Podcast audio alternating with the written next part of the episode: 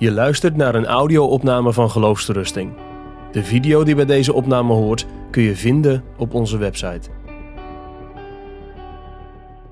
Ja, heb je de Heilige Geest ontvangen? Daar gaat het vanavond over. Uh, twee weken geleden hadden wij bij ons in huis een voorganger uit de Oekraïne. Mijn vrouw die zit in de redactie van Friedesteamen en die heeft hem geïnterviewd. En dat was natuurlijk heel mooi dat ik er ook bij kon zitten om ook eens te horen van die man die daar in het frontgebied woont en werkt en ook opereert en die daar wat ging vertellen. En uh, ja, hij zei natuurlijk dat hij ook meemaakt dat er heel veel mensen uit het oorlogsgebied gevlucht waren. Hij, zijn gemeente is net een beetje achter de eerste frontlijn. En uh, ja, zijn gemeente, zo hoort het ook natuurlijk, heel open en heel gastvrij. Zeker voor die mensen in nood natuurlijk. En uh, ja, wat gebeurt er? Zoveel mensen, ook in Oekraïne, die totaal niet geloven. Daar ook helaas de meerderheid. Maar die nu zo in verwarring zijn en zo ontredderd zijn. Die toch zoeken naar zekerheid en naar vastigheid en, en naar antwoorden. En uh, ja, hij maakt het mee, zondags, dat er honderden vluchtelingen nu ook in zijn gemeente binnenkomen. En dat gebouwtje is niet zo heel groot, er kunnen er drie, vierhonderd in. Maar ja, ze staan gewoon te proppen en te persen. Het gaat er allemaal niet meer in. En vertelde hij, wat gebeurt er nou? Nu gaan zijn eigen gemeenteleden, die blijven thuis. Om al die vluchtelingen, die vaak weinig of niks weten, de kans te geven om het evangelie te horen. Soms voor het eerst. En nou komt bij een beetje mijn punt van vanavond. Uh, een van die vluchtelingen, daar had die voorganger een gesprek mee. En die vluchteling zei: Ja, weet je wat mij zo raakt? Hier in jullie gemeente. Hij zei: Wij hebben een doodgeloof, maar jullie hebben een levend geloof. En wat bedoelde die man? Nou, hij was lid van de Russisch-Orthodoxe Kerk. Hè. Je weet dat, de Russisch-Orthodoxe Kerk, dat is uh, met allemaal gewaden en met iconen en met kaarsen en rituelen en, en gebeden die allemaal uit een gebedenboek worden voorgelezen. De gemeente zingt niet, alleen een koortje zingt wat en zo. Allemaal vorm. Allemaal vorm. Maar toen kwam hij in die gemeente. En toen opeens zag hij het geweldige verschil met wat hij gewend was. Daar ging de Bijbel open. En daar klonk een boodschap voor het hart. En daar zag hij mensen die uit volle borst allemaal meezongen. Net als wij even hier vanavond. Uh, niet bidden uit een boekje, maar bidden regelrecht uit je hart. Ja, die man die was helemaal getroffen. Wat, wat gebeurt hier? Hij zegt, dit zijn mensen waar het geloof niet zomaar een vorm is, een traditie. Dit, dit leeft. Dit zijn mensen die God lief hebben en die met God leven. Dat hoorde hij ook in die gesprekken die hij met die mensen had. En ja, bij hem waren het alleen maar door, dode vormen. Wij hebben een dood geloof en jullie hebben een levend geloof. Nou, daar gaat het eigenlijk vanavond over. Hè? Dan moet ik aan denken vanavond. Uh, hebben wij nou een doodgeloof? Vormen, rituelen, traditie of een levend geloof? Zit er nou een hart achter? En dat heeft alles te maken nogmaals met het thema van vanavond, de Heilige Geest. En we beleiden van de Heilige Geest met die oude geloofsbelijdenis van Nicea. En ik geloof in de Heilige Geest die Heere is en levend maakt.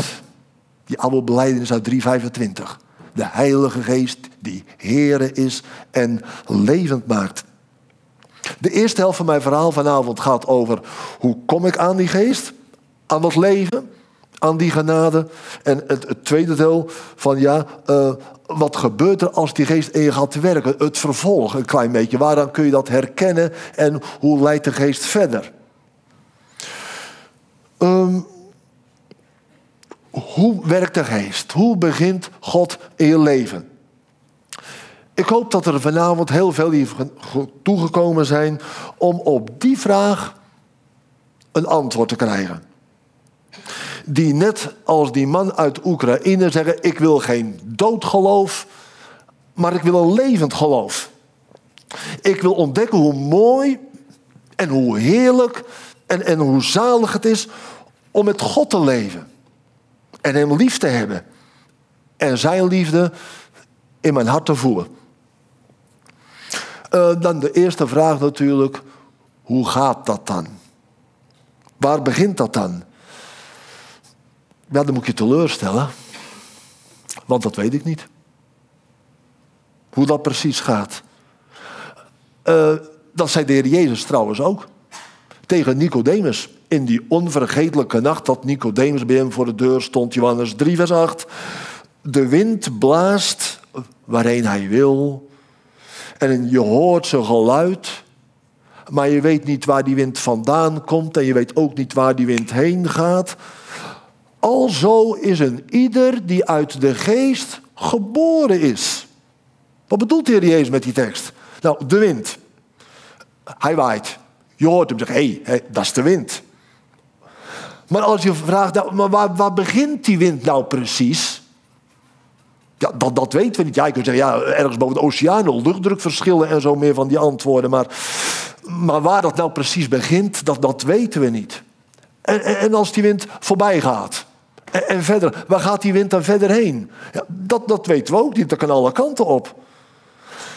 Dus waar begint het? Hoe gaat het verder? De Heer Jezus zei dat al. Ja, dat kun je niet precies allemaal aanwijzen. Maar één ding weet je wel, hij is er. Je hoort hem. Nou, zegt de Heer Jezus tegen Nicodemus. Zo gaat het ook toe bij de bekering. Waar begint nou geloof en bekering precies? Uh, dat, dat kun je meestal niet zo precies aanwijzen.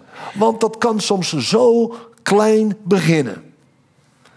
Misschien als kind van vier jaar. Een psalmregel die je raakte. Of het overlijden van je opa. Of toen je op de zonderschool over dat verloren schaap hoorde. En dat even je kinderhart raakte. Maar verder leek er niks te gebeuren. En soms kunnen er dan jaren overheen gaan. En dat de Heer er dan op terugkomt en verder gaat.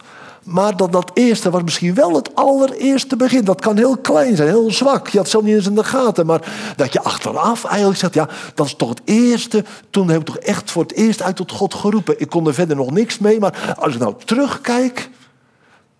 Ja, toen is voor het eerst iets van een verlangen wakker geworden en zo. Het allereerste begin. Al moest hier misschien nog wel heel veel gebeuren. Uh, en als dan dat, dat nieuwe leven doorbreekt. Hoe gaat het dan verder? Nou, ik zei het al net als die wind. Dat weten we niet precies. Want de Heer gaat met iedereen zijn eigen weg. Iedereen heeft zijn eigen lessen te leren. En ik heb lessen te leren die een ander misschien niet zo hoeft te leren. En, en omgekeerd. Iedereen krijgt als het ware van de Heer onderwijs op maat. Wat precies bij jou nodig is. En de ander heeft misschien weer andere dingen nodig. Kort en goed, hoe werkt de geest? Niet precies te zeggen. Uh, als je het aan Paulus had gevraagd, hoe is dat begonnen? Nou, dat wist Paulus wel heel exact, hè, daarvoor die poort bij Damascus. In één klap met een krachtige hand stilgezet. Dat zal u nooit meer vergeten. Paulus, wanneer is dat begonnen? Toen en daar. Maar als je nou aan Timotheus had gevraagd, hey Timotheus, hoe is God nou in, jouw leven begonnen? Ja, dan had Timotheus je misschien een beetje wat verlegen aangekeken. Ja, dat, dat, dat, dat weet ik niet precies. En dat gij van kinds af, Timotheus, de heilige schriften geweten hebt, die u wijs kunnen maken tot, tot zaligheid. Paulus, Timotheus, al verschil. En eigenlijk heel opvallend bij, bij de meeste mensen in de Bijbel. Nou, we komen er heel veel tegen. Maar van heel weinig mensen weet je niet precies wanneer is dat nou begonnen. Van de meeste weten we dat niet eens.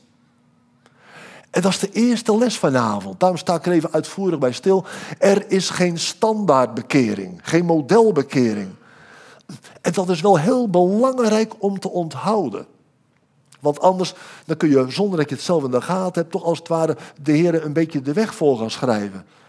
Van uh, als de Heer gaat werken bij mij, nou, dan moet ik eerst dit meemaken en dat meemaken. En dan moet ik dat eerst gaan zien en dan moet ik dat gaan voelen. En dan gaan we op dingen zitten wachten, ja, die misschien zo niet gebeuren of die in een andere volgorde gebeuren. Maar ondertussen kun je daar dan wel op blijven steken. Omdat je een bepaalde voorstel van hoe gaat dat dan, al die stappen als het ware. En als dan anders gaat, dan sta je stil, kijk daar vooruit. Zonder kennis is nodig. Er is geen schuldvergeving zonder schuldvergeving. Maar tegelijkertijd moet ik erbij zeggen, zonder kennis is weer geen voorwaarde. Uh, wij, moeten de Heer de weg niet voorschrijven. Hij gaat met iedereen zijn eigen weg. En ik ben heel blij. Uh, ik lees graag die oude Engelse Puritijnen. Ja, de Bijbel is boek 1 natuurlijk, maar die Puritijnen die zo breed en diep ook in de schriften gekeken hebben. Alle discussies in kerkelijk Nederland, we weten er allemaal van, dominee ABC enzovoort. En die vliegen elkaar in de haren. En dan denk ik soms ook wel eens, ja, ik ben wel dominee, maar ja, zit ik wel goed? In de eerste plaats de Bijbel. Maar als ik bij die Puritijnen ook dingen lees waar ik denk van ja, maar dat is ook toch mijn boodschap. Dan word je daar wel een beetje in bevestigd. Nou, uh, Thomas Brooks, ook zo'n oude Puritein uit 1600. Drie zinnetjes van Thomas Brooks. Hij zegt, God is vrij door de wet of het evangelie, door glimlach of toren, door hemel of hel aan een zondaar voor te stellen. God dondert op sommige zielen van de berg Sinai en overwint hen daardoor. Sommigen worden door vuur, stormen en orkanen tot Christus gebracht. Anderen door de zachte bewegingen van de geest. De geest is vrij, zegt Thomas Brooks, in het werk van de bekering. Hij is als de wind, daar heb hem, die blaast wanneer, waarheen en hoe hij wil. Driewerf, gelukzalig, zegt hij dan, zijn zij die tot Christus zijn gebracht. En dan zegt hij het zo mooi, zoals de Puritijnen dat soms poëtisch konden zeggen. Het zij door een winterse nacht of een zomerse dag. Prachtig. Door een winterse nacht of een zomerse dag. Stel je voor dat hier vanavond iemand zit en die zegt van ja, als ik heel eerlijk ben, ik heb eigenlijk maar heel weinig last van mijn zonde. En dat is ernstig. Eerlijk is eerlijk. Maar wat moet ik dan doen? Nou, zeg ik vanavond, niet wachten tot je er eindelijk wel last van krijgt. Maar ga dan direct tot Christus, omdat Hij de enige is die je werkelijk helpen kan. En, ga Hem dan maar vertellen dat, Heer, mijn hart is zo hard en ik ben zo gevoelloos dat het mij niet eens raakt. En zeg maar eerlijk dat het, het zo erg is dat er zo voor staat, maar dat is geen reden om hem bij hem vandaan te blijven. Maar dat is dan juist de grote reden waarom ik hem nodig heb. Omdat bij mij zo alles ontbreekt. Luther, die zegt dat zo mooi. Wat is geloof? En zegt het in één kort zinnetje. Met ons ongeloof tot de Here komen om geloof. Met ons ongeloof tot de Here komen om geloof. En ik heb later wel eens gedacht, had ik dat zinnetje maar eens eerder gelezen. Want toen ik zo oud was als jullie, worstelde ik ook zo intens met deze vragen. En dan dacht ik, ja, als ik nou geloof had, ja, dan kon ik tot Christus vluchten. Dus ja, eerst moet ik het geloof hebben en, en dan, dan kan je pas gaan natuurlijk. Maar met alle goed bedoelde ernst, dat was een strik van de boze, waardoor ik tegengehouden werd. Want hoe zou ik nou ooit aan geloof kunnen komen als ik niet tot hem ga? Hij is toch de enige die het geloof kan geven. Daarom Luther, ik ik dat tien jaar eerder had gelezen. Wat is geloof? Met mijn ongeloof. Ga niet wachten tot je geloof hebt, want dat heb je uit jezelf nooit. Met je ongeloof tot de Here gaan om geloof omdat Hij de enige is die het geven kan en ook geven wil. Ik kan me voorstellen vanavond dat je denkt, ja, uh, ik heb die geest zo nodig, die geest. Want vanuit mezelf ben ik zo doof, het lijkt niet door te dringen en ik ben zo blind, ik zie dat allemaal niet. Uh, er gebeurt eigenlijk bij mij zo weinig. Ik zit wel zondag in, zondag uit braaf in de kerk, maar eigenlijk, ik, ik vorder maar niet. Ik herinner me vroeger, als ventje dat ik een keer een prekenbandje, mijn moeder had een hele doos vol. En had ik zo'n dominee vroegende wij uit Delft. En die zei toen in zijn gebed, dat heel laconiek, vraagde hij zei, heren, zei hij in zijn gebed, we zijn net een hobbelpaard. Ik denk, wat gaan we nou krijgen? We zijn net een hobbelpaard. Maar toen maakte hij gelijk de toepassing. We gaan wel heen en weer, maar niet vooruit. Kijk uit vanavond, wat een beeld hè. Wees geen hobbelpaard. Nou, we gaan wel heen en weer, maar, maar niet vooruit. Herkenbaar. Maar ik hoop dat je vanavond zegt, ik wil niet maar heen en weer, maar ik wil echt vooruit. Ik, ik wil bij Hem zijn. Hoe? Hoe kom ik dan aan die Heilige Geest? Twee dingen. Allereerst door erom te bidden. Ja, sorry dat ik het zeg, dat klinkt natuurlijk heel afgezaagd. En, en heel voorspelbaar, begrijp het. Maar doe je het ook? Ja, bidden, dat weet ik al lang. Doe je het ook? Bidden. Smeken om die geest. Is daar echt iets van dat ernstige worstelen, zoals Jacob bij de Jabok, heren, ik, ik laat u niet gaan, tenzij gij mij zegent. Dat je, dat je God niet meer los kan laten. Ja, als ons bidden alleen is, ja, elke avond bid ik even 20 seconden en dat is dan mijn, mijn bidden om de geest. Ja, Asaf die zegt, ik liet niet af mijn hand en oog op te heffen naar omhoog. Elke keer was hij weer bij God en stond hij bij God voor de deur. Dan kan het zijn, maar dat doe ik ook. Dat mag ik toch ook hopen, hè? dat er hier zijn en zeggen, ja, maar dat, dat doe ik ook. Het is voor mij meer dan zomaar 20 seconden bidden, als het ware. Uh, maar, maar het verandert niet. Kan wel net al mooi het scherm zien staan, van bid en u zal gegeven worden. Prachtige tekst, maar bij mij werkt dat blijkbaar niet. Nou, uit eigen ervaring herken ik dat maar al te goed. Je kan soms moedeloos worden. Ik bid wel, ik bid wel, maar, maar dat, dat hobbelpaard van de net. Het gaat me niet verder. Daar heeft de Heer ook zijn eigen bedoelingen mee. Ik zou bijna zeggen, dat is ook iets van goddelijke pedagogie. Ik sprak met iemand in de hal die studeert pedagogie. Nou, de Heer houdt er ook een pedagogie, de Heer houdt er ook een opvoedkunde op na. Waarom verhoort Hij niet altijd gelijk onze gebeden? Maar kan dat soms wel eens even duren voordat Hij komt? Om ons te leren, bijvoorbeeld, geef zomaar een paar antwoorden, dat genade echt genade is. En dat is een hele les. God is aan ons werkelijk niets verplicht. Wij hebben alleen maar eh, het oordeel verdiend. Dus wij hebben niks te eisen. Genade is geen redder. Ja, kijk eens, heren, ik bid nou al zoveel weken, zoveel maanden. Nou wordt het toch wel langzamer dan. Oh, God is niks verplicht. Genade blijft wel genade. Anders is het geen genade meer. Als genade een soort recht wordt, een soort loon op mijn mooie bidden. Als we in ons hart, en dat kan zomaar gebeuren, ik heb het ook wel eens gehad, bijna een beetje wat geïrriteerd worden. Waarom komt God nou niet? Dat zeggen niet hardop natuurlijk, maar soms een soort wrevel van ja, waarom komt God nou niet? Ja, dan is dat eigenlijk wel een bewijs dat we toch stiekem uitvinden dat de Heer toch wel wat aan ons verplicht is. En God is echt niks verplicht. Genade is echt genade. Ik heb altijd de neiging om voor mezelf op te komen. Maar dan moet ik leren aan Gods kant te staan. Hem gelijk te geven. Wat een les. Maar gelukkig mag ik er wat bij zeggen.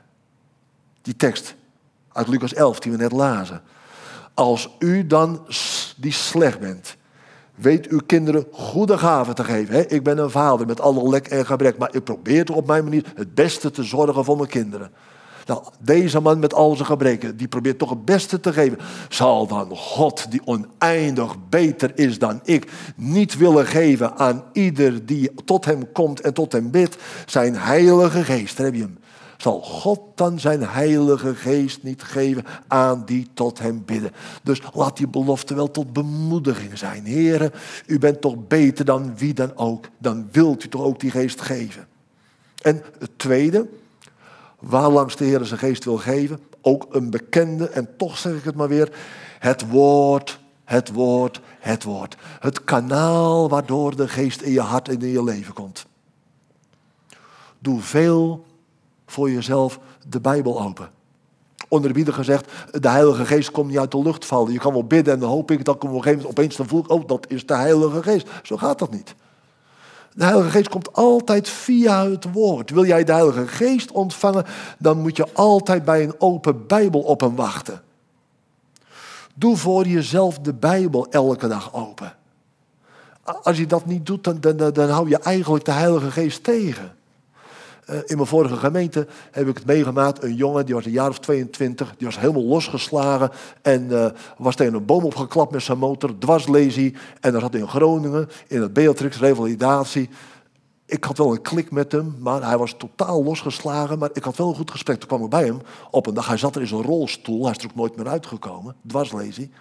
En toen zei ik tegen hem, Auke, uh, bid jij nog wel? Nee, zei hij. Ik kan net zo goed tegen die boom praten. Die geeft ook geen antwoord. En dan zit je als dominee. Toen zei ik tegen hem, doe jij de Bijbel open? Nee. Ik zei, ja, God wil wel spreken, maar als jij die Bijbel dicht houdt, dan geef je God niet eens de kans om te spreken. Als jij verlangt naar een antwoord van God, ja, dan moet ik wel die Bijbel openen, anders kan God niet eens spreken. Henk Binnendijk, ik hoorde het een keer van Henk. Uh, het was een keer een mannendag, nou prachtig, een mannendag. 500 mannen, zaal vol en mooie liederen werd gezongen en de stemmen zat er flink in. Prachtig, enthousiast. Uh, toen zei Henk, jullie kennen hem wel, uh, ja, eh, jullie zijn nou allemaal zo lekker aan het zingen, enthousiast enzovoort. Maar wie van jullie, 500 man, mannendag, wie van jullie doet per dag de Bijbel een kwartier open? Een kwartier. Het werd ongemakkelijk stil in de zaal. Aarzelend, hier en daar een hand. Nou, uiteindelijk een man of 50, 60 van de 500. 10 procent. En toen Henk, Henk huilde bijna. Hij was zo diep geschokt. Lekker zingen op de mannendag. Maar nog geen kwartier per dag om omgaan, gang te hebben met God. Ook al heb je er geen zin in, ik heb er ook wel eens geen zin in. Vertelt dat niet verder. Maar ook uit discipline. Elke dag weer. Ook al ben je er niet voor in de stemming soms. Maar blijf trouw dat doen, want dan komt God en dan werkt God. Als je verlangt dat de Heilige Geest door je hart gaat waaien, doe dan elke dag die Bijbel biddend open. Zet die telefoon, die dictator, om negen uur uit en wees er klaar mee. Neem de tijd voor God en voor je ziel. Strijd om in te gaan. Nog een andere reden trouwens, waarom God niet altijd gelijk onze gebeden verhoort, dat is misschien nog wel ernstiger, eh, omdat er misschien bepaalde zonden in je leven kunnen zijn. Ja, dan blokkeer je de geest. Als je verkeerde vrienden hebt, naar verkeerde dingen kijkt. Naar verkeerde dingen luistert. Ja, dat is net als iemand die een tuin heeft en die gaat er chloor op staan gieten. Ja, vind je het dan vreemd dat er niks gaat groeien? Ja, maar ik had zo mooi gezaaid. Ja, maar als je met chloor overheen gaat, de toepassing hoeven niet te maken. Hè? Zorg dat er geen chloor komt op de akker van je hart als je het woord daar hebt gestrooid. Durf het bijna niet hardop te zeggen onderzoek. 80% van de reformatorische jongeren schijnt porno te kijken. 80%. Ik hoop dat het overdreven is. Maar al was de helft was nog vreselijk. Dat is toch vergif voor je ziel. Ik had er niet op door. Maar breek met de zonde, want ze sleep je mee naar je ondergang. En het vermoordt je gebed. Dat voel je jezelf goed aan. Ik noem zomaar praktisch wat dingen. Ik hoop dat je er wat mee kunt. Maar ik wil de eerste helft van mijn verhaal niet negatief afsluiten, maar positief. Met de Dordtse leerregels. Ik ben heel dankbaar, dominee Van der Brink, dat hij dat boek over die Dordtse leerregels heeft geschreven. De taal is een beetje oud, maar wat daar staat is echt goud. Eén stukje uit die Dordtse leerregels, hoofdstuk 1, artikel 16. Daar staat, als je het levend geloof in Christus, of het zeker vertrouwen in je hart, of de vrede in je geweten. Of die kinderlijke gehoorzaamheid. Of het roemen in God door Christus. Als het ware vijf kenmerken van geestelijk leven. Als je bij jezelf nog niet van die kenmerken tegenkomt. Die op leven wijzen. En die wel, luister. En die wel de middelen gebruiken. Het woord en het gebed en kerkgang en, en meer dingen. Door welke God beloofd heeft. Prachtig hè door welke God beloofd heeft deze dingen in ons te werken. Als je dat doet. God heeft beloofd, dan kun je lang of kort wachten. Hij zal komen. Die moeten niet moedeloos worden. Als we ze van de verwerping horen spreken. Maar in het gebruiken van die middelen ijverig voortgaan. En de tijd van overvloediger genade, vurig verlangen en met eerbiedige ootmoed verwachten. Uh, verwachten. Er is een verschil tussen afwachten en verwachten. Jullie verwachten mij vanavond. Dat was geregeld, was gezegd. Vanavond staat die man hier op het podium, nou, daar is hij dan ook. Uh, ik werd verwacht door een soort afspraak. Als je opeens vanavond iemand anders was, nee, ja, dat was, dan moest je maar afwachten wie er kwam. Verwachten. Omdat er een belovende Heer is, op wie we mogen hopen en vertrouwen. En dan brengt dat nieuwe leven, hè, die kennis van Christus, meestal ook niet in, in één keer door. Denk niet in één keer slaat er zo'n bliksem in in mijn leven en daar is God. Zo gaat het meestal niet. Uh, Calvijn zegt, het gaat net als de zon. Uh, die gaat s'morgens heel langzaam op, die is niet in één ruk gelijk aan volle hoogte. Dat doet hij zo'n uren over. En zo ook die zon van genade, die gaat als het ware langzaam op in je hart. Die blindgeborene kon eerst nog niet zoveel vertellen. Wat is er nou bij jou allemaal gebeurd? Ja, dat, maar één ding weet ik. Dat ik blind was. En nu zie ik, ik moet misschien nog heel veel dingen leren, zei hij, maar, maar één ding weet ik. Ik was blind en nu zie ik. Het avondmaalsformulier. Daar zie je ook iets van, uh, het gaat niet alles in één dag en in één jaar. Het avondmaalsformulier is wel eens voor mij tot troost geweest. Daar staat zo'n mooi zinnetje. Geef dat wij ons hoe langer, hoe meer aan u overgeven. Zoek het maar na, het gebed, het aanvalsformulier. Het heeft ons geraakt. Geef dat wij ons hoe langer, hoe meer aan u overgeven. Alles gebeurt niet in één keer. Paulus, zelfs Paulus, die moet nog zeggen, opdat ik hem kenne. Ja, Paulus, je kent hem toch? Ja, zegt hij, maar dat is nog maar zo weinig. Dat is nog maar het begin. Oh, ik zou veel meer van hem willen kennen. En daarmee zijn we gelijk bij het tweede stuk van het verhaal. Hè? Opwas in de genade. Tweede deel. Eh, je kunt nog heel veel twijfel, heel veel strijd hebben als de Heer toch een nieuw begin heeft gemaakt. Maar hoe gaat de Heer dan verder? Hoe kun je dat dan weten en zo? Nou, eh, een paar dingen. Hoe gaat dat dan? Een eerste kenmerk, als je de Heer hebt ontmoet in je leven dan krijg je op dat moment ook een diep verlangen, ik haalde het Paulus aan, om hem meer te leren kennen. Stel nou voor, misschien zit er hier vanavond wel een jongen en een meisje en die hebben verkering gekregen. Ja, niet dan ben je er, dan begint het pas. Een prachtige, mooie tijd om elkaar meer te leren kennen. Verkering is pas het begin, dan komt er een heel vervolg. Echte liefde, dan vind je dat mooi. Ik wil die ander steeds beter, dieper leren kennen dat, dat de hart van die ander leren kennen. Je kunt er niet genoeg van krijgen. Je vindt dat mooi, vreugde. Pekker, misschien hebben ze daar ook wel een boek van, het is al wat dikker. Eh, Pekker, die heeft een boek geschreven, God leren kennen. Het is een studieboek, maar wel heel goed. God kennen, wat betekent dat dan? Verdieping enzovoort. God leren kennen. Ik kan het aanbevelen. Wie God is en hoe God is en wat hij doet.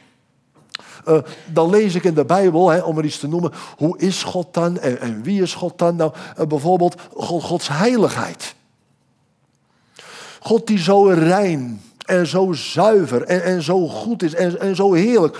De, die Puritijnen, die konden zo mooi zeggen, the, beauty of holiness. De, de, de schoonheid van, van de heiligheid. In Rome daar heb je die Sixtijnse kapel. Die geweldige, prachtig beschilderde Michelangelo. Het is een, een topstuk gewoon. In, in heel de wereldcultuur. Eh, die Sixtijnse kapel, dat is adembenemend. Uit heel de wereld komen ze kijken. Je wordt er gewoon door, door, door, door overweldigd. En nou zo overweldigd. Diep onder de indruk komen van God. God in zijn majesteit. God in zijn heerlijkheid. God in zijn glorie. God in zijn heiligheid. Ik heb als de indruk dat wij, zo reformatorisch als we zijn, eigenlijk maar heel weinig werkelijk onder de indruk zijn van God. Overweldigd zijn als het ware door, door, door God. Vaak heb ik het idee dat God, nou ja, God is, ik zeg maar een beetje onderbiedig, een paar maten groter dan ik, maar zo heel veel verschil. Ja, pas op, pas op. God is de gans andere. Jezaja 40. Bij wie dan zult gij God vergelijken? God is gewoon onvergelijkbaar. Hij gaat alle voorstelling te boven. In Cambridge zo eh, rond 1800, had je een professor en die had het niet makkelijk. Hij was de enige bijbelgetrouwe hoogleraar in Cambridge. je weet, Cambridge, dat was heel elitair. Mensen uit de hoogste kringen die studeren in Cambridge nog steeds. En, hij zat als enige bijbelgetrouwe professor en had het bepaald niet makkelijk. En wat gebeurde er op een dag? Een student die moest hem spreken. En had er ook in die universiteit zijn werkkamer. In die tijd natuurlijk allemaal heel stijlvol met van die toga's en zo. En dat was allemaal heel elitair. En die student die klopte op de deur. Het was afgesproken die tijd. Maar ja, hij hoorde niks. En nog een keer geklopt, hij hoorde niks. En hij stond nog even te wachten. Ja, professor in die tijd helemaal. Maar ja, op een gegeven moment dacht ik, ja, eh, hij deed, de, deed hij zachtjes de deur open. En wat zag hij daar? Daar achter het bureau stapels papieren en boeken. Dan lag die professor Charles Simeon op zijn knieën voor zijn stoel. En hij hoorde dat zijn kamerdeur openging. Toen keek hij even op. En toen stak hij zijn handen op naar die student. En hij stamelde: Glory, glory, glory. Zo was hij in zijn gebed. Zo dicht bij God. Hij kon alleen maar stamelen. Hij had iets van God gezien. Midden op de dag. Zo'n behoefte om bij God te zijn. De majesteit en de heerlijkheid van God. Die student is dat nooit meer vergeten. Jezaja.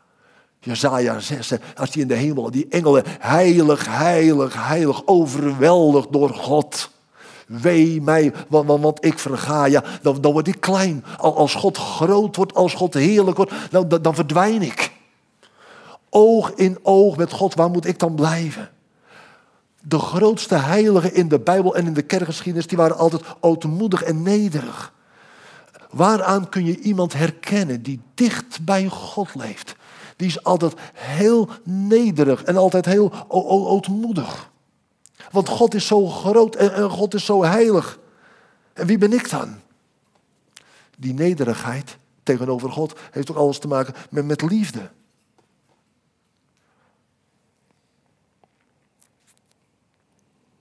Dan ben je niet gauw tevreden over jezelf. Het gaat over opwas in de genade. Nou, dan ben je niet gauw tevreden. Want heb je altijd God verdient meer van mij. Meer liefde kon ik hem maar meer lief hebben. Maar meer eren, meer dienen, meer bedoelen. O God, verlos mij van mijn lauwheid en van mijn halfslachtigheid en van mijn aardsgezindheid. Heer, geef vuur en geef ijver en, en geef liefde. Spurgeon, Spurgeon. Hoe meer genade iemand heeft, hoe meer hij zijn gebrek aan genade voelt. Want hij weet, het hoort nog zoveel meer te zijn. Hoe meer genade iemand heeft, hoe meer hij zijn gebrek aan genade voelt. De beste van de mensen is maar een mens op zijn best. The best of men are but men at best. We zijn nog lang geen heiligen, bedoelt hij. De beste van de mensen zijn nog maar mensen op zijn best. The best of men are but men at the best. Opwas in de genade is niet meer tevreden zijn over jezelf. Maar steeds meer, dat klinkt misschien heel raar, steeds meer ontevreden over jezelf. Niet moedeloos, kijk uit. Dat ligt dan wel op de loer, die kant moeten we niet op. Wel te ontevreden, maar, maar niet moedeloos. Want, zei Spurgeon, de fontein is er. De schitterendste heilige Spurgeon blijven nog steeds zondaren, voor wie er nog steeds een fontein geopend is, opdat zelfs zij steeds weer met hun beste werken zouden komen om zich daar te wassen en te reinigen. Dus niet moedeloos. Als ik Algeren, het is nog zo armzalig. Aan alle kanten tekort, tekort, tekort. Maar de fontein is er. Tot reiniging, verzoening, vernieuwing. Ik moet steeds meer bij die fontein gaan leven. Dat is opwas in de genade. Niet dat ik een vent die het steeds beter ga doen. Maar die steeds meer bij die fontein terecht, bij Christus. Hij moet wassen en ik moet minder worden. En hoe meer ik verdwijn, hoe meer Jezus in mijn leven verschijnt. Heiliging. Als het goed is, verlang je ernaar om heilig, toegewijd voor God te leven. Met ijver en met blijdschap.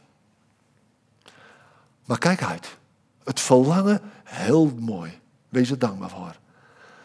Maar kijk uit voor een valkuil. Ik heb er ook vaak genoeg in gezeten, soms ik er weer in.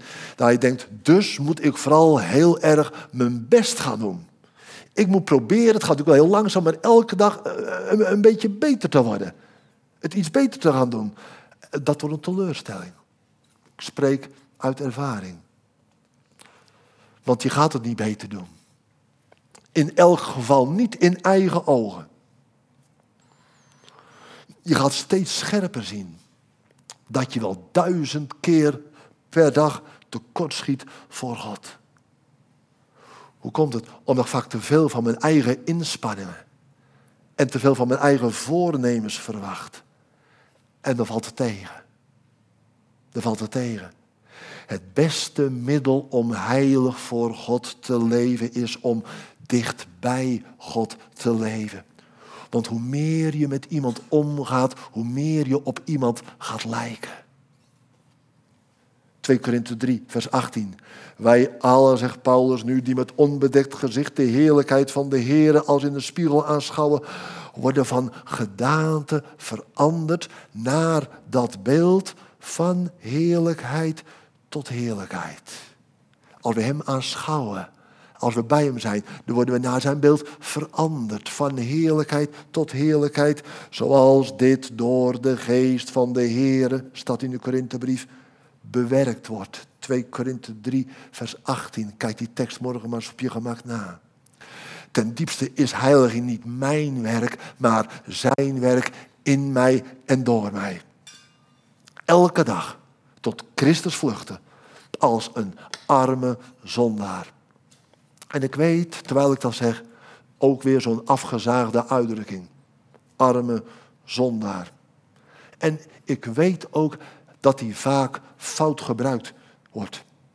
Alsof er niks in je leven verandert als de Heer gekomen is. Dat is niet waar. Er is een opwas. En er is een vorderen. Denk alleen maar aan 2 Petrus 3, vers 18. Was dan op groei in de genade en kennis van onze Heer en zaligmaker Jezus Christus. Hè? Uh, Johannes 15, uh, eh, die wijnstok, uh, er zijn vruchten, veel vruchten zelfs. Dus aan de ene kant, arme zonde betekent niet van ja, er verandert helemaal niks. God zij dank, er verandert wel heel wat. En toch, en toch blijf ik een arme zondaar. Die van zichzelf steeds minder kan. Steeds minder weet. En steeds minder heeft. En voor wie zojuist langs die weg Christus steeds meer alles wordt. Hij mijn sterkte. Hij mijn kracht. Hij mijn wijsheid. Mijn hulp. Mijn troost. Dan heb ik een welbehagen in zwakheden omdat de kracht van Christus in mij woont. Want als ik zwak ben, dan wordt Hij alles. Ik eindig met dat bekende lied. Vaste rots van mijn behoud, als de zonde mij benauwt. Ik dacht altijd dat dat een lied was wat iemand zong zo in het begin van het vluchten in het geloof tot de Heer. In het oorspronkelijke Rock of Ages Cleft for Me, in de eerste uitgave, stond er als motto boven The prayer of the most holiest believer in the world. Vaste rots van mijn behoud. Moeder, kom ik arm en naakt tot die God die zalen. Ik dacht altijd van dat een beginneling die nog helemaal aan het begin staat. En zei die toplady, die man die dit gedicht gemaakt heeft. Dit is het gebed van de meest heilige gelovigen ter wereld. Als het ware de verst gevorderde in de genade, zouden we altijd zeggen. De hoogste stand in het geestelijke leven. Moeder kom ik, arm en naakt, tot die God die zalig maakt, die de arme kleedt en voedt en die de zondaar leven moet. In het Engels. Dat is zo mooi. Nothing in my hands I bring, simply to thy cross I cling. Dat geven God. Dankjewel. Je luistert naar een podcast van Geloofsterusting. Wil je meer luisteren, lezen of bekijken? Steun dan ons werk en ga naar de website geloofsterusting.nl.